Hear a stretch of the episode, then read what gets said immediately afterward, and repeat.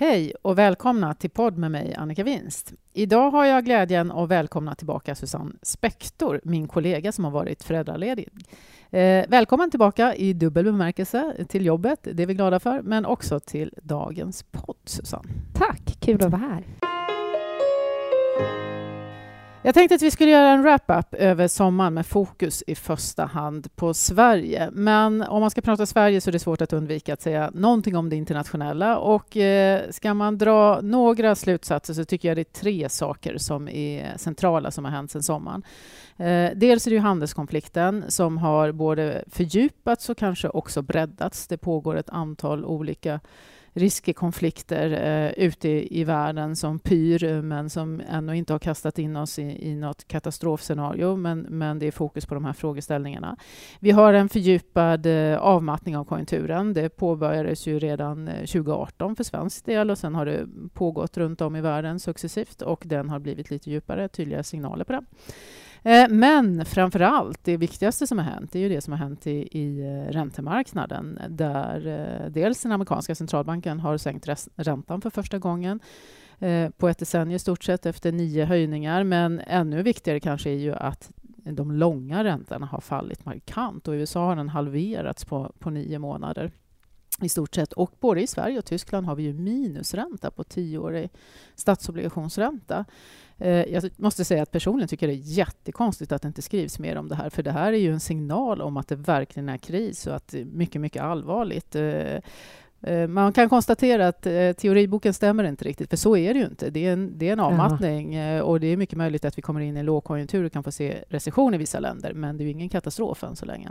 Jag vet inte om du känner att du vill komplettera med något, Susanne, som du har tänkt och reflekterat på över det globala? Nej, men jag håller helt med. Och det som har hänt på räntemarknaden, att det är tioåriga räntor är negativa, Sverige och Tyskland, det är ju verkligen anmärkningsvärt om man tänker på vad, vad, man förväntar sig. Är det då att centralbankerna ska ligga kvar på minusräntor i tio år? Ja, förmodligen så är det ju det som marknaden tror. Och det är ju en helt annan penningpolitik än den man kom överens om från början när man eh, införde den här liksom, inflationsmålspolitiken. Och det borde ju verkligen debatteras och skrivas mycket mer om, tycker jag också. Mm, och eh, man får ju gissa att det händer någonting i huvudet på eh, såväl eh, investerare som kommuner, eh, företag som får betalt Jaha. för att låna. Eh, det är väl inte alldeles säkert att det är de mest kloka investeringarna som görs i den miljön. Å andra sidan, trots att räntorna är så här låga, så är investeringarna ganska måttliga. Ja, verkligen. Om verkligen. Och det kanske tyder på någon typ av idébrist eller att man tycker att läget är så osäkert så att man ändå inte vågar trots att det är så otroligt billigt, eller man får till och med betalt för att låna. Mm. Och då är vi så... kanske tillbaka på det första med handelskonflikt och de olika konflikterna som finns där ute i världen som gör att det är svårt att bedöma Ja, men exakt. hur djupt exakt. och allvarligt det är. Exakt. Okej, okay. eh, om vi då ska titta in eh, på Sverige och se hur det ser ut här. Så i, på sommaren, i slutet av sommaren får man ju alltid en BNP-siffra för andra kvartalet. Eh, och på kvartalsbasis så följer faktiskt BNP med 0,1 procent. Och om man tittar om man istället på årsbasis, alltså jämför eh, med föregående år, så eh, hade vi en tillväxttakt på 1,4 procent. Och vi har flaggat länge. Vi sa i början av 2018 att eh, det skulle bli en måttlig tillväxttakt och vi har haft en ganska stabil utveckling och också att det skulle vara svårt för Riksbanken eller för sent för Riksbanken att höja räntan. Eh, nu ser vi att tillväxten faller och höjningen som Riksbanken gjorde i december är vi ganska många som är överens om att det var inte världens bästa timing. Susanne, vad är det som ligger bakom de svaga BNP-siffrorna i Sverige?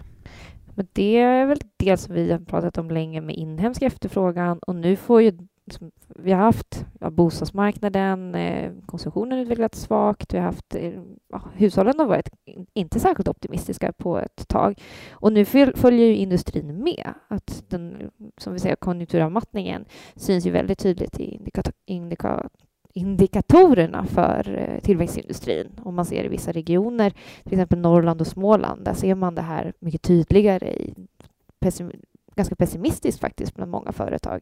När de svarar på enkäter om framtidsutsikterna? Exakt, ja. exakt. Vi hör ju också från våra kollegor i banken att när de pratar med företagen så är det en annan tonläge ja. idag än vad det var för några månader sedan. Ja, och det här är ju något som man inte pratar så jättemycket om eh, i media ändå. Eh, utan för mig som gick tillbaka, kom tillbaka väldigt nyligen så blev det lite av en chock ändå att se en del av de här siffrorna, hur snabbt det har gått ner, framför allt ja, sentimentet men också en del på konsumtionen. Jag kommer ihåg när vi Innan jag gick vi pratade om att ja, nu har huspriserna gått ner, då kommer konsumtionen följa efter. Det var innan sommaren förra året.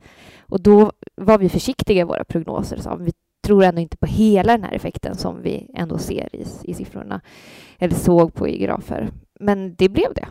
Så det blev ju mer än vad vi trodde då. Mm. Samtidigt ska man ju komma ihåg att det är från en väldigt hög nivå. Såväl världen som Sverige har utvecklats oerhört starkt under lång tid. Absolut. Tack vare centralbankerna till viss del, men det har ändå varit en bra efterfrågan. Exakt, och det är väl därför känslan fortfarande är att det går ganska bra. Mm. Men hur orolig ska man då vara? Vi har ju ändå tecken på, på recession, som du själv sa, i vissa delar, Norrland, exportindustrin. Mm. Men man mm. pratar ju också om Tyskland, eh, Japan, eh, att man kan komma in i recession inom kort i Tyskland motorn för Europa, motorn för Sverige. Exakt. Ja, men jag tror man kan...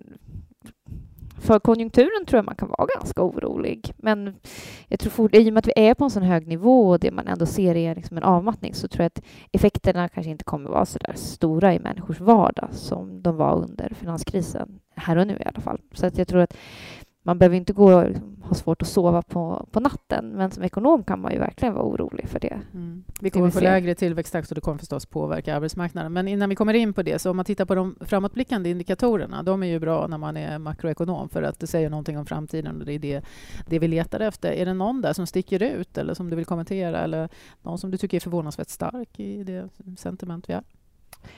Men jag gör ju också våra regionala analyser och jag har ju börjat titta lite liksom, på olika delar av landet och där tycker jag verkligen det sticker ut att just de exportberoende regionerna, där har verkligen optimismen gått från upp i taket till eh, under normalläge väldigt snabbt. Det är Norrland och Småland? Norrland, Småland och också liksom norra Mellansverige som man säger, Dalarna och Eh, Gävleborg och Värmland, den delen som också är lite mer exporttung. Eh, man ser ju de an, med arbetsmarknaden så är ju indikatorerna fortfarande på väg ner från höga nivåer, men, men ganska bra. Men eh, man tittar på riktningen så går det ändå ganska snabbt och det säger någonting om... Det tar ju ofta lite tid att justera sina förväntningar. Eh, så jag tror att eh, indikatorerna tyder ju på sämre tider. Någonting som jag tycker är väldigt intressant som jag, är om man tittar på efterfrågeläget i tillverkningsindustrin. Att I Norrland till exempel så säger man att det är sämre efterfrågan än normalt redan nu. Eh, så det tyder ju verkligen på mm, liksom det, att det är någonting som man möter i sin vardag. Det är inte bara en allmän känsla av att det går sämre i omvärlden, därför blir jag lite mindre eh, optimistisk, utan man upplever faktiskt att sin egen efterfrågan inte är eh, lika bra som den tidigare har varit. Nej. jag vet att vi har sagt i poddar i våras att det som händer i Tyskland brukar komma hit och att Jaha. det såg sämre ut i Tyskland i våras och, och, nu är det väl ganska tydligt här. Så ja, omvärlden sämre, det kommer påverka exporten och vi ser det redan hos bolagen och det är väl inte klart ännu utan det kommer gissningsvis mer. Men om man då tar en annan sektor som också har visat stora svaghetstecken så är det ju byggmarknaden där vi har haft en total eh, förändring där det har varit motorn och drivkraften, inte minst bostadsbyggandet, till att faktiskt bli en, en bra bromskloss. Men, eh, och det är ju inte så överraskande att det går eh, svagare där, att utvecklingen är, tuffare. Men om nu räntorna förblir låga, vi pratade ju om att de har fallit tillbaka och det kommer ju göra det svårare för Riksbanken att höja, vi ska komma tillbaka till det.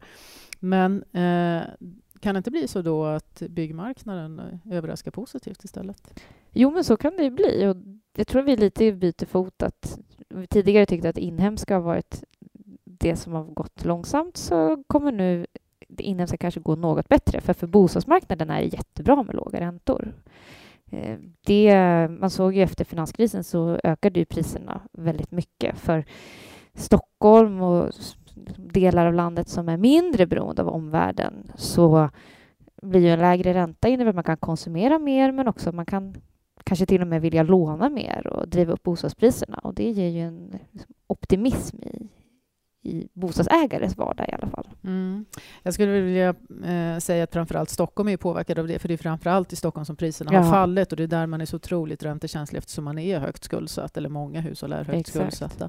Eh, och då får det stora konsekvenser och det gör att jag själv tror att det kan vara ganska stor skillnad också hur utvecklingen kommer att se ut i, i landet. Eh, ja, beloppen verkligen. som man lånar till eller som man köper för, i, i även om vi tar universitetsstäderna, är på många håll betydligt lägre eh, än vad de är i Stockholm och därför är det viktigare här om Exakt. räntorna förblir på, på mycket låga nivåer. Men det är klart att eh, får man signal att priserna börjar stiga i Stockholm så gissar jag att man även ute i landet eh, känner att eh, ja, men det kanske inte är så illa. Och, eh, Ja, då kanske det till och med är billigt, Precis. billigt idag. Eh, det får vi komma Precis. tillbaka till i en, eh, i en annan eh, podd. Eh, men eh, bostadspriserna har stått still länge. Har bostadsmarknaden stabiliserat, tror du? Jo, men jag tycker nog mycket talar för att de har stabiliserats. Utbudet verkar ju ha toppat och priserna, det borde ju ge stöd för priserna. Vi har en ränta som verkar fortsätta vara låg, som också borde ge stöd för bostadsmarknaden. Och bara det man hör är ju att optimismen börjar komma tillbaka om man pratar med mäklare och personer ute på marknaden ser de också att det, de ser ett uppsving här nu på, i början av hösten. Att eh, det verkar som att... eh, Uppsving jämfört med andra höstar? Eller för annars är ju hösten eller sommaren stiltje och Ja, men precis. Men, men jämfört med senaste år, senaste hösten eller senaste åren. Eh, Men det kanske är helt normalt. Men om det blir ett normalläge på bostadsmarknaden så är ju det bra. Bättre än innan. Ja. Exakt. Men det är klart att om bostadsmarknaden stabiliseras och man får lite lugnare signaler därifrån, då borde det få konsekvenser för privat konsumtion, som också är en stor del av BNP, som skulle kunna påverka negativt.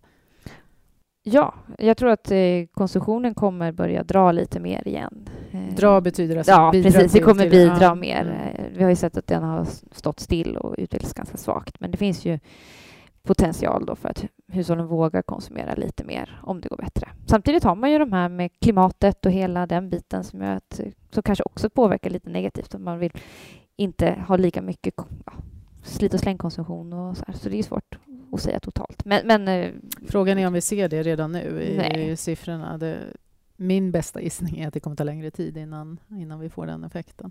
Verkligen. Men jag kan ändå tänka mig att man skiftat över lite från liksom, varukonsumtion till tjänstesektorn. Att man köper kanske hellre tjänster och upplevelser än eh, ja, saker som man kan ha. Och det tror jag kanske ändå någonstans döljer sig i den statistiken som, som Påverkar redan olika har. branscher då, men Precis. konsumtionen kanske inte påverkas lika Exakt. mycket. Exakt. Men vi har pratat en del om sparandet, om sparandet är högt eller lågt eh, bland hushållen. Ja. Om man då tänker utifrån ditt resonemang, vad, kommer sparandet öka eller kommer man vara nöjd med de nivåerna man har idag i det här konjunkturläget? Jag tror... Ja, Man kan ju antingen konsumera eller spara. Ja, precis, precis. Eh, Det är ju svårt att säga, men om det blir väldigt skakigt i omvärlden så kan man tänka sig att man sparar lite för att man blir osäker. Men eh, så länge som bostadspriserna fortsätter, om de fortsätter upp, det är inte vårt huvudscenario, men om de går upp och får stöd av räntorna så borde man ju konsumera. Och om det, som man säger, inte ska hända, att man får negativ ränta på banken eller att man till och med får betalt för att låna, då borde hushållen verkligen vilja spendera sina pengar. Mm. Det är något vi pratar allt mer om. Det är ganska märkligt. I Danmark idag så har man negativa Ja. bostadslån och så har man en avgift i, istället. Eh, Men man får ju verkligen fundera över de traditionella modellerna som vi Exakt. använt i ekonomisk teori. Kan vi fortfarande ha kvar dem? Och hur kommer Ja. folk att bete sig? Det är som jag sa innan, det kanske är så att det som vi tycker är dyrt idag faktiskt är billigt utifrån de förutsättningarna. Exakt. Men om man då inte behöver oroa sig så mycket för bostadsmarknaden, ska hushållen då oroa sig för arbetsmarknaden? Sysselsättningen viker ju faktiskt nu, arbetslösheten stiger, om än från mycket förmånliga nivåer, hög sysselsättning och låg arbetslöshet. Ja, men jag tror att lite beroende på vem man är så kan man nog oroa sig. Om man är student som precis har kommit ut på arbetsmarknaden så är det ju oftast inte bra att komma ut i, ett läge då sysselsättningen minskar. Men för den genomsnittliga personen eller gemene man så kommer man nog kanske inte märka av det eh, så mycket nu. Men får, vi får ju en del signaler om uppsägningar eh, i olika branscher, olika företag och jag tror att det är dystrare tider på arbetsmarknaden eh, under hösten och framåt. Men det kommer ju förmodligen inte bli så allvarligt som man har sett i tidigare stora, om man tänker jämför med finanskrisen 2008 till exempel. Det är ju inte det vi ser. Nej. Men det är ju helt naturligt att när man ser orosmomenten internationellt, inte minst om man, vi som Sverige är en exportnation, att det första företagen tar tag i det är ju kostnadsöversynen. Och det påverkar ju inledningsvis konsulter men sen också eh, antalet sysselsatta. Det är en stor kostnad för företagen. Ja, precis, och det är ju intressant. Sysselsättningen har ju ökat sedan 2009 i liksom överraskande stor takt. Så det känns ju som att företagen borde ha ganska många anställda. Eh, och tittar man, eh, ett första tecken kan ju vara det som man såg förra veckan, att övertidstimmarna minskar väldigt mycket. Och om de har krympt väldigt mycket så är nästa steg att sen krympa på personalen. Jag vet inte om ni lyssnare har tänkt på det, men eh, man kunde inte öppna en tidning eller lyssna på eh, företagsledare eller radion för, för ett tag sedan utan att folk nämnde brist på kompetens. Men Exakt. det är i stort sett borta och det har gått ganska fort, ja. den där omsvängningen. Så toppen är ju absolut eh, passerad. Men eh, arbetsmarknaden och om den nu viker, även om det är från eh, förmånliga nivåer, är ju oerhört viktig för avtalsrörelsen och vi har en jättestor avtalsrunda nu 2020 nästa år och den påbörjas ju nu. Precis. Vad betyder Precis. det? Men det är nästan ur det perspektivet som arbetsmarknaden är mest intressant. Eh, det är ju nästan tre miljoner löntagare ska få nya, nya löner och där... 2020. 2020, exakt. Och vi har ju industriavtalet. Det betyder ju att det är industrin som sätter märket som sen resten av arbetsmarknaden följer med. Och i industrin ser vi redan nu att sysselsättningen faktiskt minskar. Så att där ser man det, den här förändringen allra mest. Och om den mest påverkade branschen, en bransch som backar och har dystra utsikter, ska sätta lönerna så är det ju väldigt sannolikt att lönerna inte växlar upp. Förmodligen kanske ligger kvar ungefär som idag. Och för Riksbanken så blir ju det verkligen en huvudvärk. Mm. Eh, om vi ska kasta oss över till Riksbanken avslutningsvis då, i den här miljön, vad ska de göra? Å ena sidan eh, så har de en ränta som ligger på minus fastän vi har varit ja. i en stark konjunktur och de har signalerat att de ska höja räntorna. Eh, Eh, det syns tydligt i reporäntebanan. Mm. De har gång på gång behövt skjuta fram de där räntehöjningarna. Å andra sidan ser vi då att räntor med längre löptider faller på grund av att omvärlden går svagare och marknaden Exakt. tror att centralbankerna inte kommer hålla konjunkturen fullt ut under armarna. Och Fed har börjat sänka. ECB eh, pratar om eh, stimulanser från, från penningpolitiskt håll. Vad gör Riksbanken i den miljön, Susanne? Jag tror den bästa gissningen just nu är att de inte gör så mycket att de eh, ligger... Men man skjuter fram man skjuter första fram, höjningen i närtid? Man skjuter fram eh, första höjningen. Det tror jag är den, den bästa gissningen.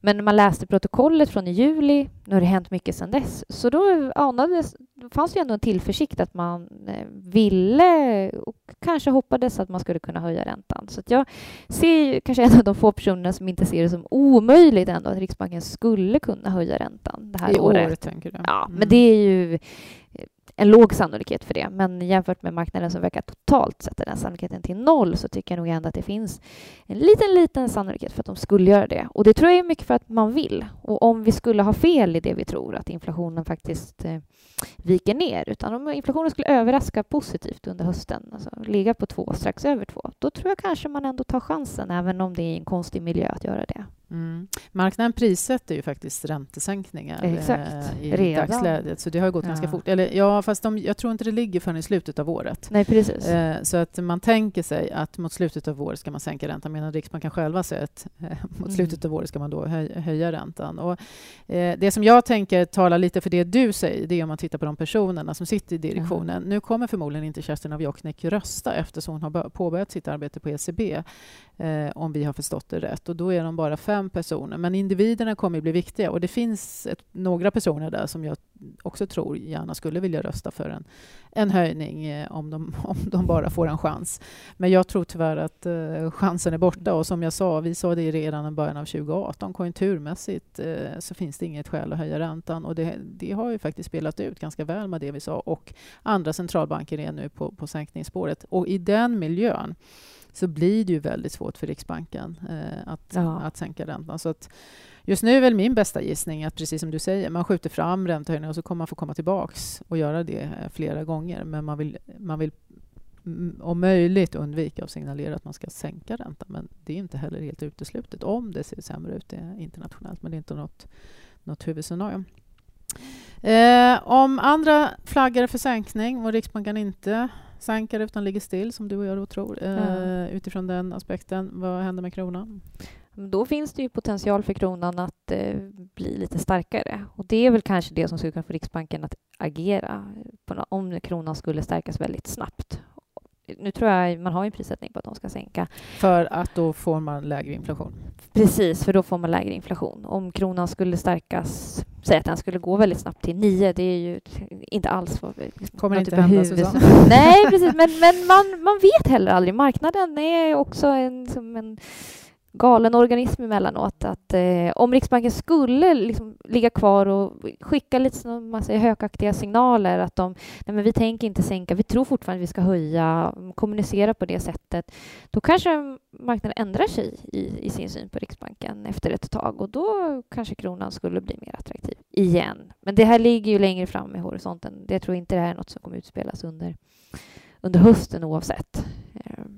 Jag gjorde ett, ett jobb tillsammans med Martin Flodén, eh, riksbankschef, och i eh, somras när, när de släppte sitt besked i juli och då frågade jag honom rakt ut, kan du acceptera en starkare krona? Tolkar jag det rätt när jag hör, ja. hör att du säger det? Och då svarar han ja, så han kan i alla fall acceptera det. Och får vi en starkare krona, då kan de också acceptera lite lägre inflation. Och i grunden tycker jag det är bra. Exakt. Då är vi tillbaka där du eh, sa innan att det är en märklig miljö när, eh, när vi har de här räntorna på de här, eh, i den här miljön med en konjunktur som mattas men ändå från väldigt höga nivåer. Mm. Eh, och att man till varje pris ska nå inflationsmålet i den miljön eh, är priset kanske för högt, eller är för högt skulle jag säga, att har vi, har vi sagt länge och det håller vi väl fast vid.